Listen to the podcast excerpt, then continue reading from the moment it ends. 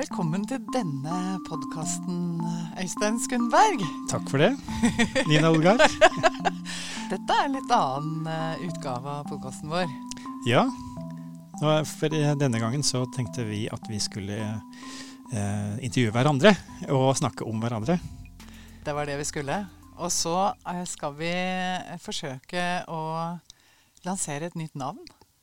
Ja, Ja. vi har eh, tenkt på lenge et nytt navn, egentlig helt fra begynnelsen av. Ja. vi, men ble, vi ble værende ved den midlertidige liksom, arbeidstittelen på podkasten helt ja. fram til nå. Den midlertidige arbeidstittelen som vi håpet at vi skulle få noen tilbakemeldinger på.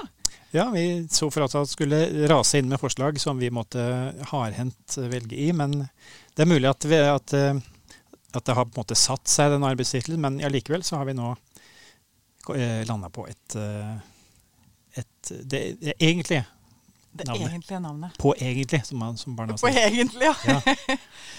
uh, ja, fordi at uh, vi, vi tenker jo at uh, denne podkasten handler om barnehagefaglige fenomener. Mm. Og så handler det om å gi ulike innganger, dybde eh, Se det at eh, lek er mer enn lek. Mm. at det er mange perspektiver på lek. Mm. Og da har vi jo rett og slett eh, landa på, på perspektiver Ja. som eh, vår nye podkast eh, Vårt nye podkastnavn. Mm. Eller perspektiv. Perspektiver. ja, vi, vi endte på flertall. Perspektiver. Og da heter nå denne podkasten 'Perspektiver på barnehagefaglige fenomener'. Ja. Og, og som du sier, det, der, det begrepet perspektiver er jo et, eh, en metafor egentlig for å kunne se ting fra flere vinkler. Og, og kanskje å se at man kan se lenger enn man gjorde før, at man får en ny horisont. Og Mm. at eh, eh, og ordet fenomener er jo også heller ikke tilfeldig valgt, for det dekker måte både måten man tenker på, måten man jobber på, liksom, kunnskap og ting som oppstår som har med barnehage å gjøre. Nemlig. Ja, men da syns jeg vi har lansert det veldig fint. Eh, fra eh, neste år, 2021, så heter denne podkasten 'Perspektiver'. Nemlig. Skal vi begynne å snakke litt om oss, da, eh, Øystein? Ja. Eh, jeg, har, jeg er jo veldig nysgjerrig, for jeg vet så lite om deg. Vi har bare, vi har bare hatt denne podkasten sammen, men jeg, jeg vet faktisk ikke noe mer enn at du heter Øystein Skundberg og er førsteamanuensis. Ja. Så, så nå har jeg veldig lyst til å høre litt om, eh, om, om, om deg. Uh, F.eks. kunne du sagt noe om din faglige bakgrunn? ja. Eh, eh, jeg er Altså, i bunnen er jo sånn det begrepet man bruker, men I jeg, bånn, jeg, liksom. ja. husker jeg hadde en kollega som sa at nei, jeg, jeg har slutta å si at jeg er barnehagelærer i bunnen, jeg er barnehagelærer på toppen. Men jeg er faktisk verken på bunnen eller toppen det, for jeg har jobba i skolen, i barneskolen, i mesteparten av eh, i hvert fall sånn lærerkarrieren. Og så eh, eh, tok jeg eh, en master i pedagogikk og, på Lillehammer. Og så noen år etterpå, etter å ha jobba i eh, barneskolen og ungdomsskolen i Fredrikstad, så tok jeg en doktorgrad i pedagogikk. Så begynte jeg måte å undervise og forske. Mm. Og det, det er liksom ditt, eh, ditt løp. Så du har jobba i, i skolen. Eh, det er bakgrunnen din. Eh, Og i barnehage. Det, det og var- i barnehage. Ja, for det var det jeg egentlig ville komme til. Fordi du sa noe i stad. Ja, og det, det er sånn når man jobber i barnehagelærerutdanning, så, så er jo det å jeg, jeg merker jo det at mine, mine eksempler, sånn erfaringsbaserte eksempler fra barnehagehverdagen, de er noen år gamle, merker jeg noen ganger. Men jeg har jobba i, i barnehage. Jeg husker jeg har jobba i barnehage på Holmlia og på Gaustad. Eh, og jeg jobba i SFO og eh, flere den typen institusjoner. da. Nemlig. Så du har, du har, eh, du har jobbet med barnehage også. Ja. ja. Det, Og det er bra. Eh, hvis vi skulle dreiet litt inn mot uh, forskerinteressene dine, så har du jo skrevet en avhandling, en doktoravhandling. ja. Og, og temaet for den uh, doktoravhandlingen, hva var det, Øystein? Ja, det, det var eh, forståelsen av og tolkningen av barn og unges seksualitet i oppdragelsestekster. Og det betyr at jeg analyserte og leste masse gamle hånd, foreldrehåndbøker om oppdragelse. Fra Den eldste var fra 1792, og den siste var fra 1952, så det var ganske stort spenn. Eh, og veldig, veldig mange av dem skrev om barn og unges seksualitet. Som regel eh, som et problem, da. Som mm. noe farlig eller noe usunt eller noe sånt. Så eh, det jeg eh, på en måte fant ut i den forbindelse, det var liksom for, det første hvilke, hvilke, teorier som lå bak disse forestillingene. Men i, i, i store og hele så var det veldig mye det var mye frykt og bekymring, da. Og jeg prøvde å skrive eller liksom analysere meg fram til liksom, hva er det man var redd for, og hvilke oppfatninger og teorier baserte man seg på. Men så, det, det, skjedde tydeligvis noe når, eh, når liksom, psykoanalysen og Freud og sånt ble vanlig i Norge på starten av det 20. århundret. Så vi, det er jo fremdeles sånn at det er et veldig kleint tema for foreldre og for mange pedagoger, og man er veldig redd for eh, at det skal utarte, eller at det, skal, at det at barn har en eller annen seksuell atferd, at det skal gjøre dem mer eh, sårbare for eh, overgrep eller eh, misbruk. Så, så, det er fremdeles et, et slags et minefelt, da. Men jeg har, når man skriver om historie, så er veldig mye av det du skriver om, det er trygt tilbakelagt stadium. Men jeg merker jo det. Jeg har også skrevet og snakka veldig mye med folk om de, de temaene i, eh, sånn som det er i dag. Og veldig mange pedagoger og studenter som er veldig opptatt av det temaet. Og de eh, jeg, jeg, Når man er henfallen til historie, så tenker man alltid at det, det som har skjedd før, har en relevans, fordi at det har formet hvordan vi tenker om det i dag. Mm. Så, så, det er liksom Jeg har sittet mye med gamle bøker, da. Ja, det høres jo kjempespennende ut. Det, ja, det, betyr det at du er opptatt av å lese, da. ja, ja, ja. Og det er, det er liksom også en litteratur som også i dag eh, foreldre og pedagoger leser veldig mye. Altså, det er på en måte når, bare, bare, tenk på en, en, en, en, bok som 'Det kompetente barnet', 'Ditt kompetente barn' av Jesper Juel, mm. som kom på 90-tallet en gang. Mm som fikk en kjempeutbredelse og en kjempepåvirkning. Så det er klart at den typen litteratur påvirker hvordan man tenker om barn. Mm. Så da er det jo også veldig interessant og viktig å undersøke den litteraturen. Absolutt. Eh, men var det en av tekstene som du analyserte? Nei, den var for ny. Den, Så den, den, den, siste jeg analyserte, det var da eh, veld, altså faktisk den boka som visstnok har solgt mest eksemplarer i verden nest etter Bibelen, og det er 'Barnet' av dr. Benjamin Spock. Akkurat. Den, eh, sto, den sto nok i de fleste bokhyller rundt omkring på 50-, 60- og 70-tallet. Hm. Dette høres kjempespennende ut.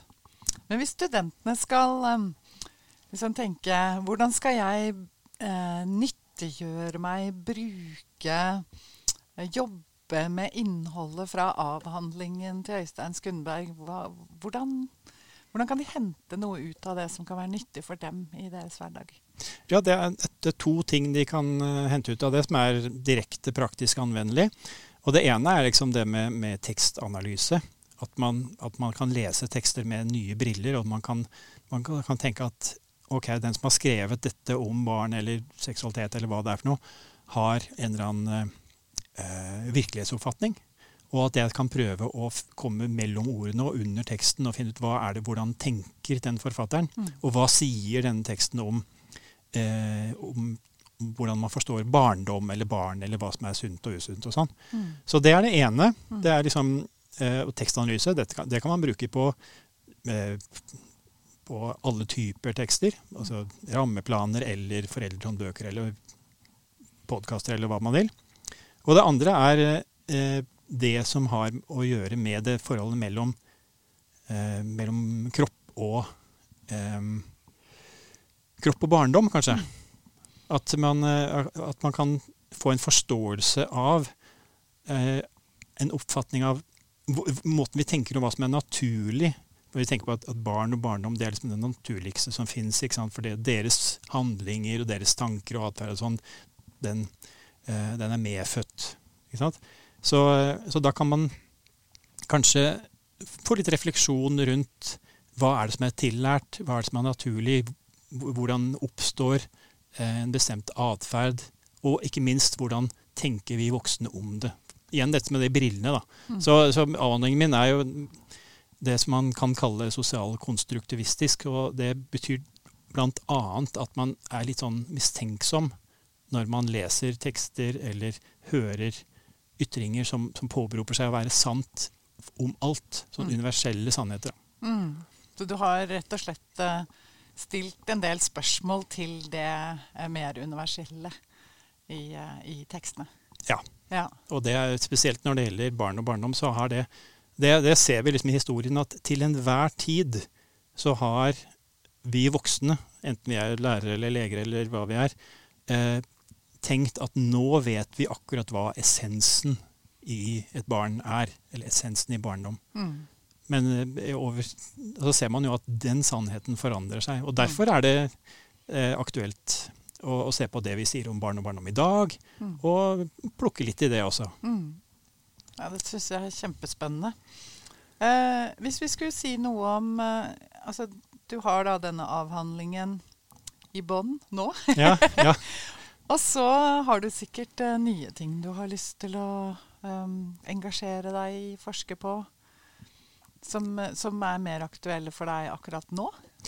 ja altså det, det Jeg har jo jeg har på en måte sneket meg til å både skrive artikler og, og forske på litt de samme temaene jeg har skrevet om hvordan vi kan forstå barns seksualitet sånn her og nå i barnehagen. Eh, og jeg har skrevet om eh, eh, mer sånn eh, spesialpedagogisk eh, eh, oppfatning. Altså hvordan vi, hvordan vi forstår f.eks. utviklingshemmede med, gjennom hvilke begrep man bruker om det osv. Det har jeg skrevet og jobba litt med. Men noe, noe som jeg egentlig Det er veldig egentlig inspirert av det vi har holdt på med i denne podkasten. Det er at jeg har er blitt veldig opptatt av lek. Mm. Eh, og altså jeg er blitt opptatt av det der med at man sier at lek har en egenverdi. Mm. Og det er jeg ikke uenig i det i det hele tatt. Men jeg jeg har blitt nysgjerrig på hva legger de forskjellige som sier det, i det. Betyr det at man for all del ikke må bruke leken til noe? At man for all del ikke må lære noe av leken? Er det sånn at leken er verdifull i øyeblikket, men ikke etterpå?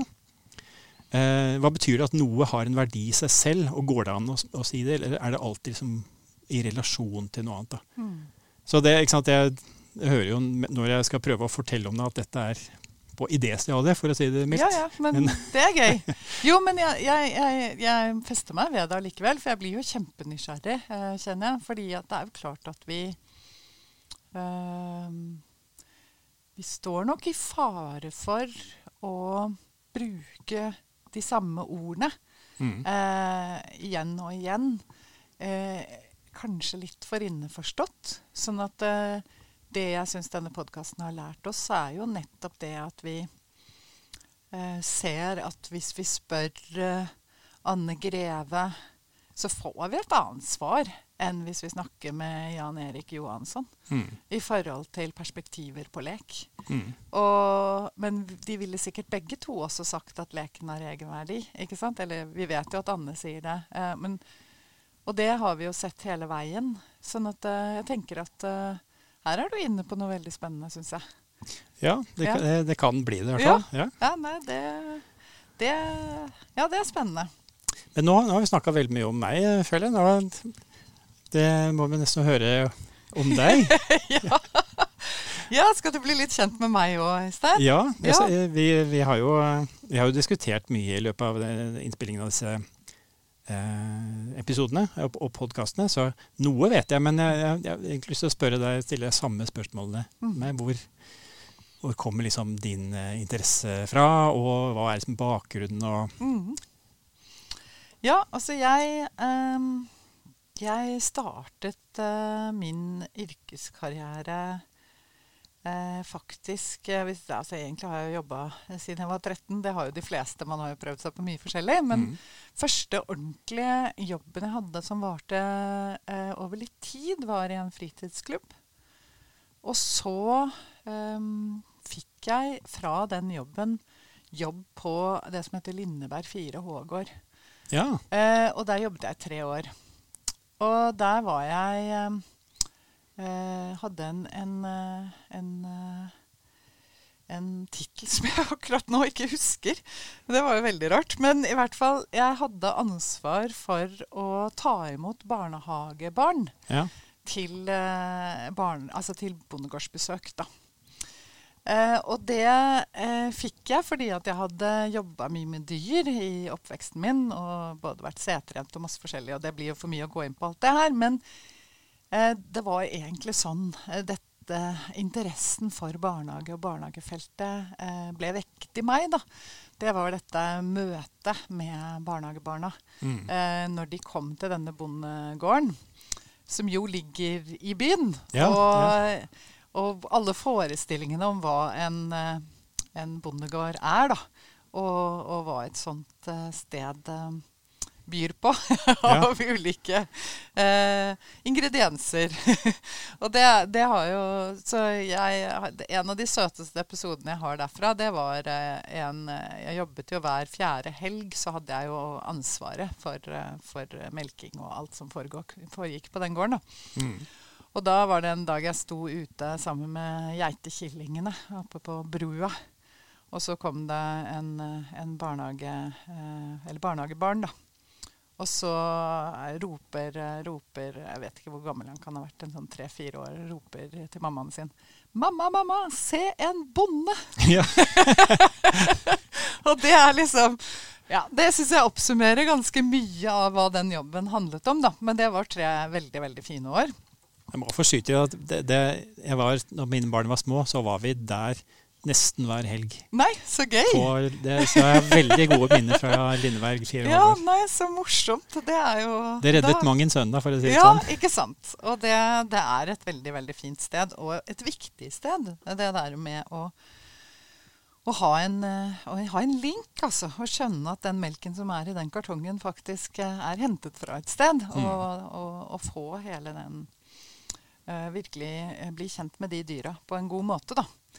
Eh, men det var jo også der jeg ble kjent med pedagogikk eh, fra en litt annen side, og hadde en fantastisk eh, en lærer da, som jobbet der, som jobbet med å ta imot skoleklasser, som, som hadde liksom bygget opp kunnskap over mange år, som het Tor Grinde, i forhold til hvordan barn kunne tas imot på et sånt sted. Da. Mm. For vi kunne ikke gå rett inn i fjøset, fordi at lukten blir for overveldende. Så vi hadde en runde hvor vi begynte ute i, i rom hvor det var mindre lukt, da, og så introduserte vi. Så det var liksom mine første små aner av pedagogikk. Og så, og så har jeg jobbet i barnehage, eh, og det har jeg gjort eh, fire år eh, var jeg ansatt i Kampen barnehage eh, her i Oslo. Og bodde på Kampen også. Og så valgte vi å flytte sør i landet, så vi bor eh, i Porsgrunn. Og da har jeg jobbet i to forskjellige barnehager der. Mm. Så jeg har jobbet eh, med og i barnehage i, i, i ganske mange år etter hvert. Og så jobbet jeg, fikk jeg en anledning til å jobbe som pedagogisk veileder. Eh, og da hadde jeg også tatt en master. Så da jobbet jeg som pedagogisk veileder for alle barnehagene i Porsgrunn kommune.